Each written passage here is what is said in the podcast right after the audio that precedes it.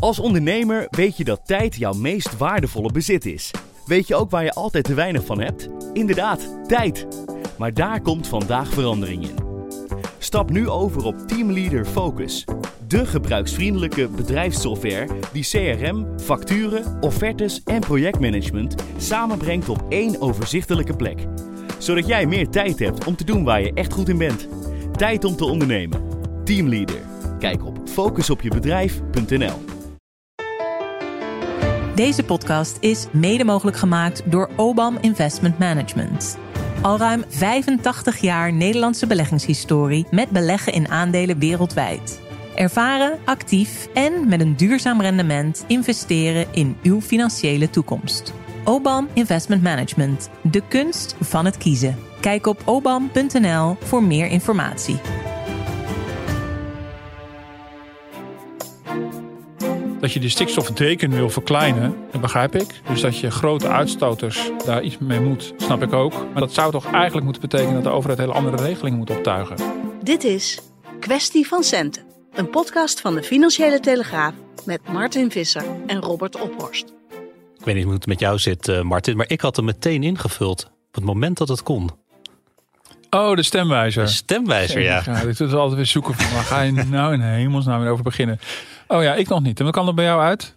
Uh, Iets nou, rechts neem ik aan. Uh, nou, dat zal ik vertellen. nee, ik had hem. Uh, we hadden een leuk verhaal van. van nou ja, zeg. Is dat het beeld wat jij van me hebt? Ga, sorry, nou, het is niet helemaal bezijden de waarheid. Nee, precies. Want uh, nee, we hadden een leuk verhaal, vond ik van collega Niels, uh, Niels Richter... over de zin en onzin van alle stemhulp die er is op internet. En daarin mm haalde hij ook het voorbeeld aan van de sekswijzer. Die stond al eerder online, al voor de stemwijzer. Dus die had ik al ingevuld na het lezen van dat verhaal. Daar kwam de partij uit die ik toch al in mijn hoofd had... Dus ik ging de stemwijzer invullen in de hoop van, nou, ik ben zo consistent in mijn opinies. Dat wordt gewoon weer diezelfde partij. Maar er kwam dus iets anders uit. En oh. Dus nu moet ik toch even dat uh, met elkaar verenigen. En nu ben je alsnog aan het zweven. Nou, wat ik dus wel, want uh, ik word altijd een beetje recalcitrant van dat soort uh, stellingen. Dus dan ga ik er nog wat meer geharnast in zitten. En dan kom je niet per se uit bij, de, bij dat redelijke politieke geluid. Wat ik ondanks mijn bouwde, bouwde meningen toch wel voorsta. Nou ja, je bent van het redelijke middelen, midden. Ja, dat, ja. Oh ja okay. zal je verbazen, Martin Visser. Ja. Hm. Ja, nee, ik heb nog niks ingevuld. Doe je dat en, überhaupt niet? Nou, soms voor een grap. Maar, maar je laat je niet leiden? Uh, nee. Ook niet sturen? Nee. Zelfs geen klikje? Is dat iets anders? ja, misschien onbewust. nee, geen sublimaal. Hoe heet dat? Sublimaal? Uh, maar goed, nee, nee niet, niet, dat ik, niet, niet dat ik weet. Ja, ik vul het meestal wel even in. Maar het is, het is zo, ik vind het zo willekeurig. Ja, maar je bent wel een, een soort zwevende kiezer. Ik ben fladderende kiezer, ja, zei ik ben, ik ben, ik ben uh, altijd zwevend en fladderend. Maar ik vind die stemwijze niet heel erg helpen, eerlijk gezegd. Ik kom vaak uit op partijen waar ik helemaal niet op wil stemmen. Dus uh, nee. nee, en dan moet je ook gewichten gaan toekennen vaak aan bepaalde onderwerpen en, en dat gedoe. En uh, ja, dat hoeft natuurlijk niet. Nee, nee, dat hoeft niet. Maar uh, nou ja, nee, ik, ik, ja, ik doe het meestal voor de gein. Maar ik, ik heb er verder helemaal niet zo heel erg veel mee. Want ik vind het vrij willekeurig. En um, maar goed, je kan ook altijd overal geen mening invullen. En dan kom je mensen op D66 uit, geloof ik. Hè? Dat kan dat, maar dat doe je altijd bij de voetbalpool. Dan vul je overal 0-0 in. Ja, maar die win ik dan ook uh, nooit. Maar goed, daar, daar, wacht ik nog steeds op. Dan doe ik het dus inderdaad wel. Nee, maar uh, dat uh, nog niet gedaan. En ik blijf nog even fladderen. En misschien dat deze podcast een beetje gaat helpen. Als we na willen denken over de, over de boerenstem. Zo is het. Ja, want het was een, een woest aantrekkelijke regeling die stikstofminister eh, Van der Wal boeren dicht bij kwetsbare natuurgebieden in het vooruitzicht stelde om zich eh, door de overheid te laten uitkopen. U noemt deze uitkoopregeling woest aantrekkelijk. Is dat wel de juiste benaming voor zoiets? Ja, ik heb dat vorig jaar uh, in een mm. bijzin in een debat uh, gezegd. Wat, wat ik zag is, we hadden toen een beëindigingsregeling. En dan krijg je 60% van de waarde van je bedrijf. Ja. 60%. Nou, ben ik zelf getrouwd met een ondernemer die ook tegen mij zegt: maar welke ondernemer gaat zijn bedrijf verkopen en stoppen als je 60% krijgt? Dus ik dacht dat moet financieel aantrekkelijker. Nou, echt storm loopt het niet, hebben we kunnen lezen in eh, de Telegraaf. Veel boeren willen de verkiezingen afwachten in de hoop dat er met een nieuw kabinet ook een, nieuwe wind gaat waaien. Maar hoe realistisch is dat? En wordt stikstof wel echt een thema deze verkiezingen? Daar gaan we het uh, deze kwestie van centen over hebben. En dat uh, doen we niet alleen, dat doen we met Eva Segaar. Jij bent landbouwverslaggever. Ja, Je weet klopt. alles van boeren. Ja, klopt inderdaad. Nou, ik doe mijn best. um, jij schreef in jouw verhaal, er zijn in totaal nu 600 68 aanvragen ingediend door boeren die willen stoppen. En 349 daarvan eh, zijn piekbelaster.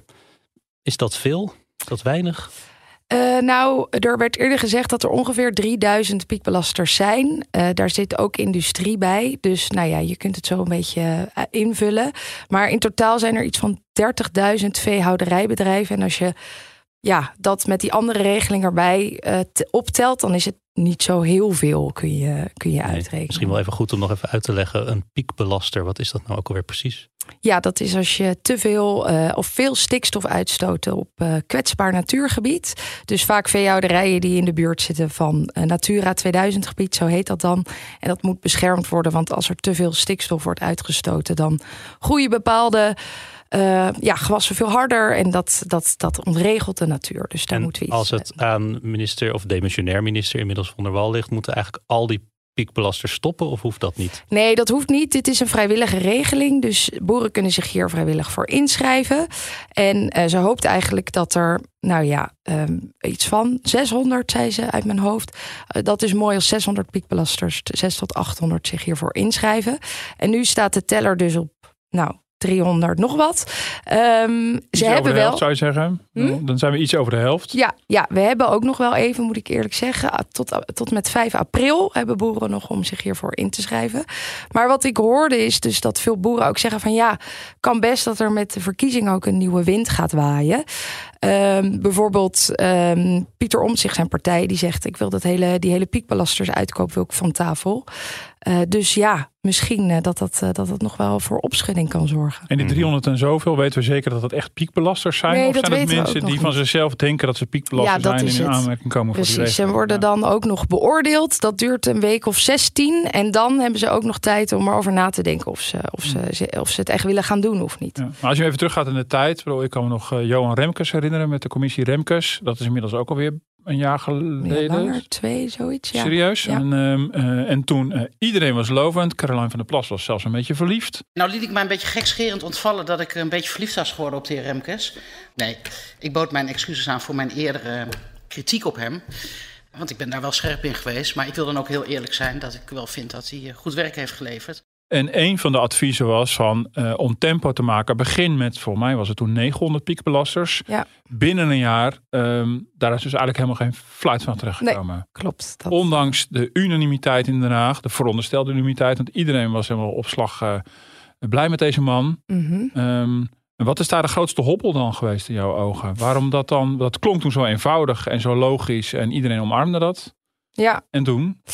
Ja, ik denk toch uh, dat, dat het sentiment ook wel heel diep gaat. Uh, ik heb wat adviseurs ook gesproken en um, die zeggen dan toch ook wel van, uh, vooral melkveehouders, die vinden het echt heel moeilijk om hun bedrijf op te geven.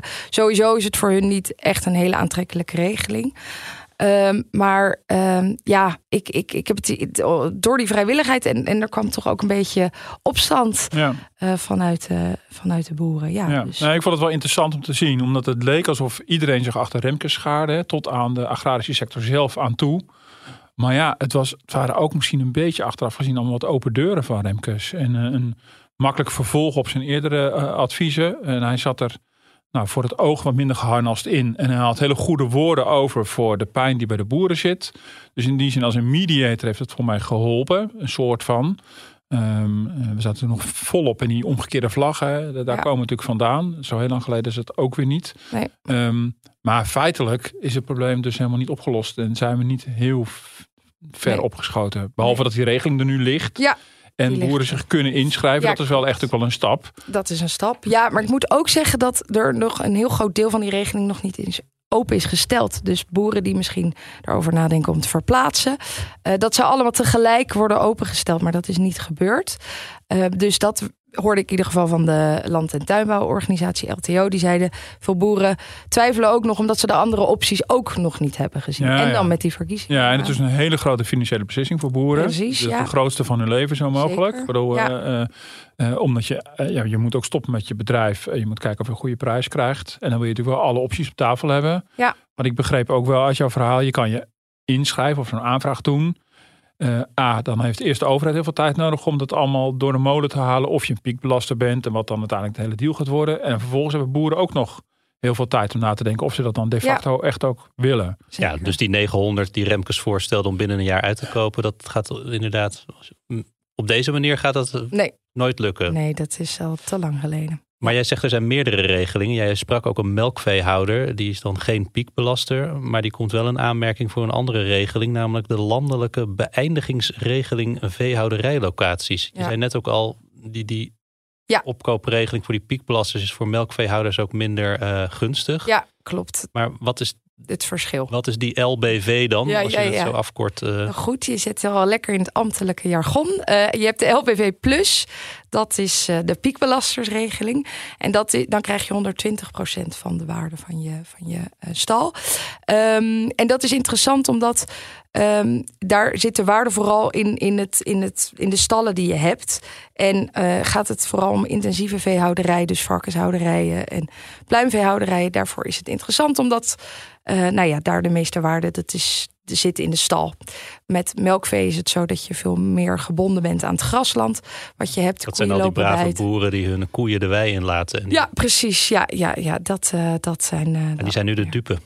Nou, niet per se de dupe, maar daar is meer, die stoten minder stikstof uit. Dus daar is meer, meer ruimte voor. En die gaan dan voor die andere regeling, dat is meer de vrijwilligers. Ja, kun je, ja, je kunt voor allebei. Uh, maar inderdaad, je hebt ook natuurlijk melkveehouderijen die wel uh, heel erg intensief zijn en waar de koeien niet buiten komen. Maar waarom moet zo'n uh, man, uh, die in dit geval die jij dan sprak, ook, waarom komt hij dan ook in aanmerking om, om, om te stoppen? Ik bedoel, die, die heeft als jij vrijwillig, als je geen opvolger hebt en je wilt er sowieso mee stoppen. Ik bedoel, het, de, de, de, de stikstof uitstoot moet naar beneden, dat weten we. Dat moet vanuit Europa. Dus elke stopper is er één. Dus elke stopper is er één. Dus ze hopen eigenlijk dat inderdaad, hmm. ja. Dat... En zou die, die, die die boer die dan eigenlijk sowieso al wilde stoppen, nu via deze regeling gunstiger uit zijn dan wanneer die zonder deze hele stikstofcrisis zou zijn gestopt? Nou ja, god, ja, dat weet ik niet. Dat vind ik lastig. Nee, maar ik bedoel, wat het lastige lijkt me ook voor de overheid. Die willen natuurlijk alle cases natuurlijk goed beoordelen. Mhm. Eh, want het doel is natuurlijk niet om, om, om boeren een, een pensioen te geven. Het doel is om stikstof te reduceren tegen een faire prijs voor die ja, boeren. Ja, klopt. Ja. Maar als je sowieso je bedrijf al van de hand wilde doen, um, ja, dan laat je normaal gesproken natuurlijk niet uitkopen door de overheid. Dan moet je een bedrijfsopvolging doen. En als die opvolger er niet is, dan moet je de boel verkopen. Mm Wie wil er nu nog boer worden uh, in, in, ja, in tegenwoordig? Ja, ja. Dus ja, je loopt als overheid misschien ook wel het risico dat allerlei boeren dit gaan soort van gebruiken, slash misbruiken als, als goede regeling, omdat ze toch al wilden stoppen. Ja, dat, dat zou zeker kunnen. Ja, ja, maar ja, het zijn ook ondernemers. Ja, natuurlijk. Dus dat is ook, uh, als het kan, dan, dan vanuit nu begrijp ik dat ook wel. Ja, ja, maar daar betalen wij dan allemaal voor. Ja, daar betalen we dan allemaal voor. Ja. Ja. Mm Jij schrijft in je verhaal ook dat er wat uh, verwarring is ontstaan door een on onderzoek dat onlangs is gepubliceerd door de Universiteit van Amsterdam in, in opdracht van het Mestdagfonds, maar wel een onafhankelijk onderzoek, als ik het goed begrijp. En eh, dat trekt ook weer een beetje in twijfel of het allemaal wel zo zinvol is om, je, om, om je ook echt met name op die piekbelasters te richten. als ik het even goed samenvat, was de conclusie van die onderzoekers. Ehm, we, we, denken nu misschien dat alles wat je aan stikstof uitstoot als boerenbedrijf, dat dat ook heel dicht bij je bedrijf neerslaat. Dus als jij dicht bij zo'n Natura 2000 gebied zit, dus een kwetsbaar natuurgebied, dan, dan moet je daar eigenlijk moet je daar eigenlijk weg. Want dat legt extra veel druk op, dat, op, dat, op, dat, op die natuur. Mhm. Maar uit dat onderzoek bleek eigenlijk dat 90% of, of zelfs, zelfs wel meer uh, zich eh, voegt bij het grotere geheel. Dat, ja. dus dat schiet eigenlijk naar boven. En dat is de stikstofteken die over het hele land ligt. Dus dat slaat niet zozeer dicht bij zo'n bedrijf neer, maar draagt bij aan het totaal. Ja. ja Met andere woorden, het maakt eigenlijk niet zoveel uit um, waar je zit als boer, maar meer dat je überhaupt bestaat. Ja, nou ja, ja, en dat geldt natuurlijk ook voor scheepvaart en stikstof uit Duitsland. En nou ja, dan komen we op die discussie. Ja. Um, inderdaad, en het was wel grappig om te zien, want toen dat eh, onderzoek werd uh, gepubliceerd, toen ging iedereen wel een beetje aan de haal met wat voor hem of haar interessante bevindingen waren daaruit. Dus de LTO zei meteen dit onderstreept dat de piekbelasters. Ja, ook, ook, dat is wetenschap, beste mensen. je kan er alle kanten mee op. Precies, precies. En uh, nou ja, ik heb ook toen wat uh, stikstofprofessor aan de Universiteit Utrecht gesproken daarover. En die zei: Ja, dit is niet anders dan wat we al hadden gevonden. Dus, dus ik vind het zelf, ik merk wel onder boeren maakt het veel los. Want die zeggen: zie je wel, het heeft geen zin. Mm -hmm. Um, maar de wetenschap zegt toch van ja, ja, wij wisten dit eigenlijk al. En dat zegt, zegt de overheid zelf ook. eh, ja, zij staven hiermee eigenlijk hun eigen gelijk. Dus dat is ook, het is een beetje, ja, je kunt er natuurlijk ook alle kanten mee op. Maar sindsdien ben ik echt wel helemaal de draad kwijt. Ja, dat als snap ik. Ik zelf soms misschien- ook een Ja. beetje. En hadden volgens mij de primeur in de krant een aantal weken geleden. Ja. En een, week of twee later deed Nieuwsuur het eh, nog dunnetjes over. Eh, en misschien geloofden mensen toen pas echt eh, eh, op een manier. Omdat wij natuurlijk al van meet af aan heel kritisch zijn geweest op dit dossier. Ja, Dus in die zin komt het van verschillende kanten. Ik kan, ik kan niet zeggen dat dit onderzoek is echt helemaal ingestoken door de boeren. Het is een Nee, vrij brede klopt consensus onder, onder wetenschappers. Ja, als Ja. de insteek is, je- Robert begon te vragen met heel simpel, wat is een piekbelaster? Ja, dat is niet een iemand die veel stikstof uitstoot, maar ook nabij zo'n gebied zit. Mhm. Als die link met het gebied verloren gaat, dan, is, Ja. dan begrijp ik van de aanpak eigenlijk helemaal niks meer. Ik bedoel, dat je de stikstofdeken wil verkleinen, dat begrijp ik. Ja. Dus dat je grote uitstoters daar iets mee moet, snap ik ook. Ja. Maar dan is de link met die locatie van waar je zit, is dan toch helemaal weg. Dat zou toch eigenlijk moeten betekenen dat de overheid hele andere regelingen moet optuigen. Ja, dat Dacht ik in mijn naïviteit. Ja, nee, ja, dat, ja, ja, maar ergens zijn ze natuurlijk ook wel een end op weg. En hebben ze die Ja. hele tool om te berekenen, Ja. areas, hoeveel er dan wordt uitgestoten.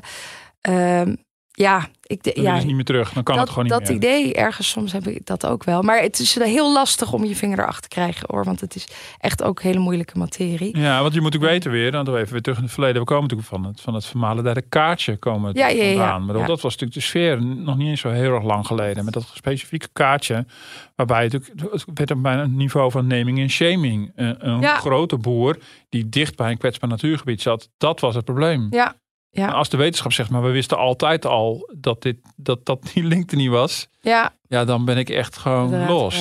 ja. Dan ben ik gewoon echt weg.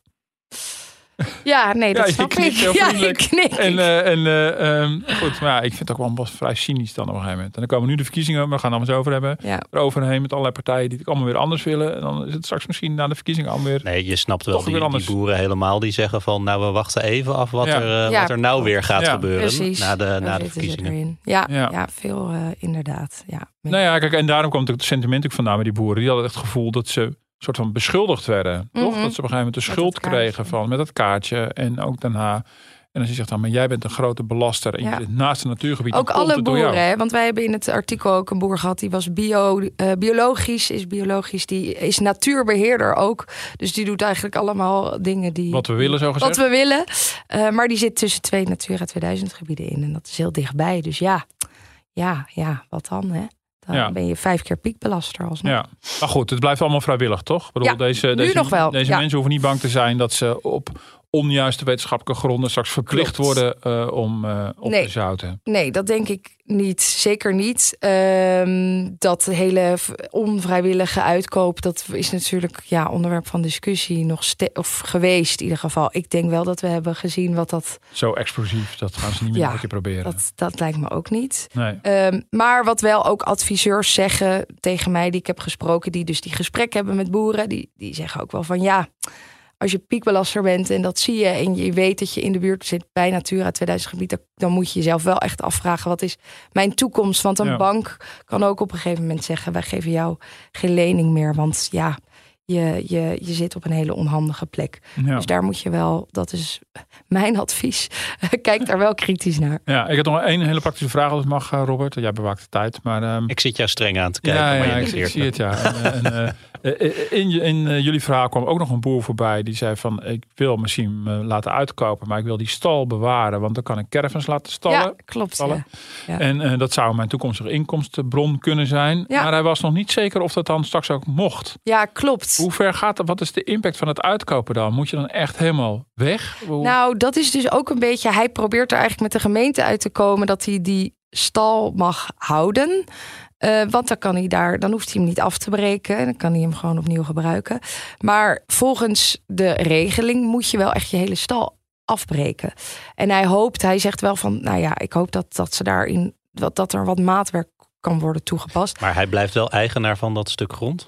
Ja, want je, ja, je, je, en je probeert dan in die tijd, daarom heb je ook die lange bedenktijd, misschien nog een andere bestemming. Of, Ja, eh, nee, want of je dat wordt natuurlijk in sommige, ook, ook door sommige politieke partijen het beeld geschetst. Dat je dan wordt uitgekocht, al je land kwijt bent. Zodat daar eh, huizen kunnen worden gebouwd. eh, en, en volgens sommige partijen dan ook met, specifiek voor asielzoekers. Ja, dat is nee, een beetje het beeld is- wat eh, wordt geschetst. Ja, Maar dat is dus niet zo. nee, dat is je niet. raakt je bedrijf, wordt- kwijt, je maar, je, uitgekocht. maar je grond hou je. Ja, Ja. ja. maar goed, als iemand zijn stal laat staan en al het vee is weg, dan is toch de stikstofuitstoot. Ja, ook- klopt. Dus de meeste mensen kiezen er dan ook voor, denk ik, om, om iets anders eh, te, te kopen. Maar ja. Ja. ze zitten allemaal een beetje in het proces. Er is nog niemand Ja. die daar echt al is. Nee, maar Martin Dus bedoelt, dat- en, Ja. maar goed, dat, dat, dat had die boer zelf ook. Waar moet ik dan in godsnaam die stal afbreken? Dat, dat, dat zorgt ook weer voor allerlei stikstofuitstoot. om, om Ja. misschien diezelfde stal daarna weer te opbouwen, zodat ik daar caravans kan neerzetten. Ja, ja, ja, ja dat, eh, dat, zou, eh, dat zou gek zijn natuurlijk. Dus hij hoopt dat hij die stal dan op die manier kan hergebruiken. Wie weet, we, we blijven het volgen. Nou, de protesten zijn geluwd. De meeste vlaggen hangen weer recht. Eh, De trekkers rijden weer over de akkers en niet op de snelweg. Ehm, je proeft dus ook een beetje een afwachtende houding bij eh, de boeren die jij sprak. Is de geest terug in de fles? Nou, dat ligt echt denk ik ook wel deels aan een nieuw kabinet en wat daar eh, gaat gebeuren. Maar voor nu zijn ze inderdaad afwachtend, ja. Ja, Ja. ja. Ehm, nou ja, nu Omtzigt het ook heeft behaagd om zijn verkiezingsprogramma te presenteren, is van alle partijen wel een beetje bekend wat ze willen. Als jij nou kijkt naar die verkiezingsprogramma's, en je was ook eerder deze maand bij het landbouwdebat, ehm, zie je dan al de contouren van een nieuwe stikstofkoers? Nou, bij een paar partijen wel. Eh, niet he- geheel verrassend de BBB natuurlijk. Die wil dat die hele stikstofparagraaf uit de wet gaat. Ehm, en dat we meer focus op de natuurkwaliteit verbeteren. En eh, Pieter Omtzigt, zijn partij, eh, die wil ook een ander stikstofbeleid. Eh, meer gericht op reductiedoelen. Eh, en hij wil sowieso dat die hele piekbelastersaanpak dus van tafel Ja, gaat. even voor mijn helderheid, wat staat er dan nu in de wet over stikstof? Wat is die Ja, stikstofwet? dat heb ik even voor jou opgezocht, want ik dacht al, dat ga je vragen. Eh, de wet schrijft voor dat er in 2025 minimaal 40% van de beschermde Natura 2000 gebieden een gezond stikstofniveau moet hebben. In 2030 is dat minimaal de helft en in 2035 minimaal 74%. En, dat, eh, en dat hebben we nu niet. Dat is nu niet zo, nee. Nee. Dus daar moeten we naartoe werken. En dat is ook deel, ja, dit is door Europa ook in Ja. een habitat. En dan zegt iemand als Omtzigt, kijk niet naar de kwaliteit van die natuur, maar kijk naar gewoon de totale stikstofuitstoot. Ja. Ja, ja, klopt. Ja, ja. En, ehm, En dan zitten we minder juridisch ook, dan zit ik juridisch ook minder klem. Ja, klopt. Want dat is een beetje de gedachte inderdaad. Dat we nu ons juridisch hebben klemgezet met zo'n wet. En eh, ja, dan eh, zou je meer naar eh, uitstoot willen kijken. Het is niet de enige partij overigens die dat zegt. Het CDA zegt dat ook. Dat je meer moet meten aan de bron. Nu wordt het modelmatig vastgesteld hoeveel ervan wordt uitgestoten. En nou ja, die willen eigenlijk dat dat, dat, dat echt wordt gemeten. En dat Ja. er meer op emissie wordt Wat, wat gestuurd. zegt de VVD? Want die heeft natuurlijk de stikstofminister geleverd. Ja, die zijn een beetje, nou ja, niet heel, heel concreet erin. Ze willen de doelstellingen over de stikstofreductie in 2035 aanhouden. Je weet jullie nog die jaartallen en ja, dat gesteggel 2030 zou het moeten daarover. Ja. Ja. D66 wilde graag 2030. Nou, ehm, dus vijf- 2035 zeggen zij. Wat ook op zich ehm, interessant is, hè, want CDA dreigt natuurlijk, eh sinds het dreigde, zouden het, eh, zeg dat, het regeerakkoord opnieuw Klopt. onderhandelen om die 2030 eruit te krijgen. Ja, ja. Daar, de- zover zijn ze nooit gekomen, want toen waren ze al op iets anders ge- gestruikeld. Klopt. Maar nu is de VVD die het dus ook blijkbaar wil. Nou ja, 2035 en Ja. D66 houdt nog steeds vast aan Ja. 2030. Ja, het was dus niet alleen het CDA die, die van Nee. 2030 af wilde. Blijkbaar de VVD dus ook. Blijkt nu uit het verkiezingsprogramma. Dat, eh, ja. dat zou je zo kunnen stellen. Ja, maar ze zeggen ook wel, grappig, hoe sneller hoe beter. En eikpunten zijn belangrijk. dus je kunt echt Eikpunten alle kanten op belangrijk. hiermee. Maar Ja. even, dit, bedoel, wij kunnen natuurlijk allemaal niet voorspellen wat de uitslag van de verkiezingen gaat worden. En al helemaal niet wat voor eh, coalitie eruit komt. En dus ook al niet wat voor regeerakkoord daar dan weer uitrolt. Nee, Maar als je ziet op wat voor onderdelen dit soort partijen die mogelijk in de coalitie gaan komen, willen gaan veranderen. Wat zou dat dan kunnen betekenen voor de boeren? Als ze nu afwachten, waar wachten ze dan eigenlijk op? Ja, dat is ook een beetje de vraag. Want inderdaad, ook adviseur zegt tegen mij: kijk, die, als boeren ervoor kiezen om zich vrijwillig te laten uitkopen, dan is dat natuurlijk wel mooi meegenomen. Dus Uh, dat zich dan van die hele piekbelastersaanpak af wil, is opvallend. Want nou ja, de meeste partijen zullen, ermee, zullen er blij mee zijn. De, de boeren die zich vrijwillig inschrijven natuurlijk. Nou, de vraag is dan of, dat, of een partij als die van Omtzigt dan ook bedoelt... dat is die regeling dus verdwijnt. Ja, precies. Ja, heb je net opgegeven en ja. van, uh, sorry en beste piekbelaster... Uh, ja, dan worden boeren ook gek. Want dan heb je... Ik sprak gisteren een boer, ik zei stel je voor dit gebeurt. Nou, die zei ja, dan word ik... wat is de overheid voor partner dan? Ik wil nu... Ik, wil me, ik ben nu er, erop ingesteld dat ik me ga laten uitkopen. En dan wil ik ook zien dat dat gebeurt en dat het, dat het een betrouwbare partner blijkt. Dus uh, dat is een boer die in ieder geval dus wil worden uitgekocht. En de rest had een beetje, ja. Mm Ja, iedereen die zich opgegeven heeft, die wil dat ja. in principe. Dan heb je niet opgegeven. Nee, dan vrijwillig. Ja, ja. Ja, ja, ja, Hoeveel ruimte hebben wij eigenlijk in Nederland om, om, om, aan die, om aan die wetgeving te sleutelen en om die doelen bij te stellen? Want we hebben ons toch ook in Brussel klem geschaakt op dit dossier. Ja, klopt. Ja, dat is. Je, je moet aan die Europese regels voldoen. Maar je kunt er wel voor kiezen om een nieuw stikstofbeleid ah, in te voeren, volgens mij. Dus de rechter heeft gezegd: het moet in ieder geval niet leiden tot verhoging van de uitstoot. Dat is daar moeten we onder blijven. Dus als het dus een PVV die zegt we willen alle belemmerende stikstofregels dat is van waar tafel. We, dat, is ook waar we volgens Brussel aan moeten voldoen. Ja. Niet dat die, die uitstoot mag niet omhoog. Nee. Dat is het enige. Ja. Ja. Nou, dan zie ik toch nog wel wat speelruimte, of niet? Ja, nou ja, tot er iemand naar de rechter stapt. Ja. Bedoel, uh, weet je, we hebben natuurlijk nu op een aantal dossiers de afgelopen jaren natuurlijk allemaal rechtszaken gehad. Waarbij een kabinet gewoon gehouden werd aan, aan internationale afspraken. En de rechter geeft daar een bepaalde interpretatie aan. Dus het wordt natuurlijk wel tricky als je, als je vrij stringente wetgeving gaat vervangen door wat lossere wetgeving. Uh, uh, ja, het blijft natuurlijk wel spannend waar je dan juridisch eindigt. Kan ik me voorstellen. Ja, dat uh, lijkt me ook. Ja. Dus, ehm, en, ehm, maar goed, het is sowieso natuurlijk wel een spannend spel. Want ik kan me ook die, die tafereelen nog herinneren van Caroline van der Plas. Die met Eurocommissaris Frans Timmermans ging praten. Ja. En Frans Timmermans die hard zijn best deed om zo sympathiek mogelijk te doen richting Van der Plas. Over haar plan om het allemaal anders te doen. Um, ja, dus, dus het wordt wel allemaal op kousenvoeten volgens mij uh, straks in die formatie. En ik weet niet of, of, of Timmermans zelf nog hele baanbrekende andere ideeën heeft dan. Uh, nee, niet want die echt. heeft natuurlijk ook nog die GroenLinks achterban uh, te, te, te, te pleasen. Ja. Maar ja, als eurocommissaris heeft hij zelf al de opening geboden dat het heeft ook wel anders kan in Nederland. Ja, klopt. Nee, ja, er stond niet. Er stond wel het een en ander over stikstof in. Maar eigenlijk het, het meest concrete punt in hun programma is dat het in 2030 moet de uitstoot gehalveerd zijn. Dus uh, ja, dat. Uh, maar goed, dan kunnen ze nog oeverloos onderhandelen over de manier Dat denk ik. Dat Iedereen houdt het een beetje, een beetje open. Ja, dat ja. lijkt me wel. Ja, dus in die zin is het ook weer niet zo heel raar als boeren wat terughouden. Nee, ik snap het wel. Ik zou het zelf ook zijn. Ja. Ja, ja, behalve als je heel graag snel van je bedrijf af wil. Geen dan, opvolger uh, hebt. En, geen opvolger hebt. Ja. ja. ja. Hmm. Nou, tijdens dat landbouwdebat ging het er specifiek over. Heb je, heb je de, het idee dat dit ook een thema is, wordt of blijft tijdens de komende tijdens de campagne die we nu al zien? en de debatten die er nog aankomen? Ik denk het wel. Ik, dat lijkt me wel. Ja, daar kun je niet omheen. En je zag het ook in, dus in alle verkiezingsprogramma's uh, terugkomen, behalve in die van bijeen. Um, maar uh, ja, dus dat lijkt me wel dat dat een thema is. Maar nou ja, nu met de oorlog met. Ja. Uh, nou ja, dat wou ik net zeggen. Kijk, als, als gewone nieuwsconsument ben je natuurlijk nu ook vooral bezig, denk ik, met, met, met die verschrikkelijke beelden uit, uit Gaza en, ja. en, en, en, en de oorlog die Israël voert tegen Hamas. Um, en we hebben ook zelf onderzoek gedaan waarin de zorg uh, op, uh, op één stond bij uh, kiezers als belangrijkste thema. Ja, ik heb ook niet het. Iedereen wil natuurlijk dat er bepaalde probleemdossiers worden opgelost, zoals de, de, woningcrisis. Nou, daarvoor Mhm. heb je ook een oplossing nodig in het stikstofdossier. Maar ik, ik heb ook niet het idee dat nou de gemiddelde Nederlander echt s'nachts wakker ligt van Nee. stikstof. Nee, maar ik vraag me ook af of dat daarvoor wel zo was. Ik, bedoel, Ja. ik denk dat stikstof eh, voor heel veel mensen ook een soort symbool was voor de, de, de gevoelde afstand tussen overheid en haar Zeker. burgers. Ja. En ik denk dat heel veel mensen eh, daar vooral dit sentiment bij hadden en helemaal niet ten onrechte denken. De manier waarop dat ging, de manier waarop er over een beroepsgroep werd heen gewalst, eh, heel on, onnadenkend.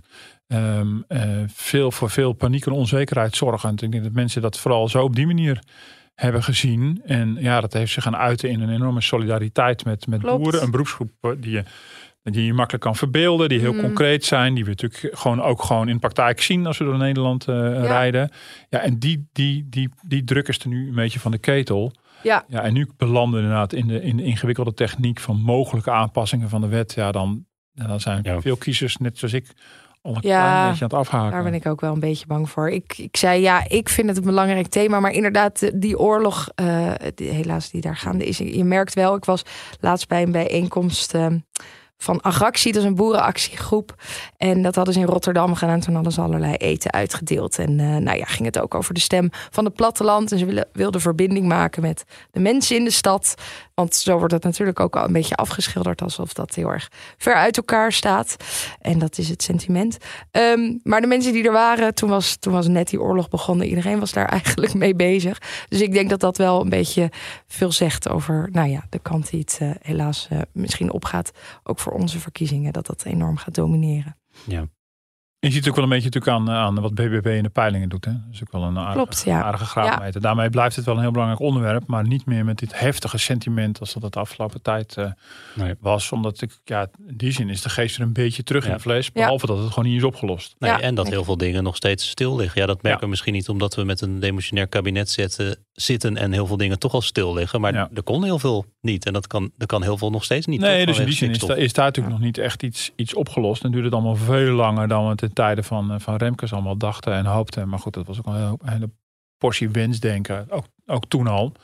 Ehm, ja, en zo'n formatie gaat ook nog een poos duren. Voordat er weer echt nieuwe wetgeving ligt. En dingen echt substantieel anders liggen voor de boeren dan dat ze nu zijn. Dan Ja, zijn we dat echt een hele poos verder alweer. zeker. Ja, ja. Ja, en we moeten met z'n allen het wiel ook maar uitvinden. Hè? Want wij zijn het eerste land dat, dit, dat hier echt tegenaan loopt. Stikstofuitstoot zo enorm moeten terugdringen. Dus dat, eh, nou ja, dat, dat is ook interessant. En hoe dat gaat lopen. We gaan het, we blijven het volgen. Ga je nog naar de misboerin-verkiezing in Loosbroek dit weekend? nee, die sla ik even over, dankjewel. Dat hoort niet bij de portefeuille. maar nee. Eh, het, is, het is DFT, hè? Dus eh, dat is voor ons alleen maar in vrije tijd. Dat, eh,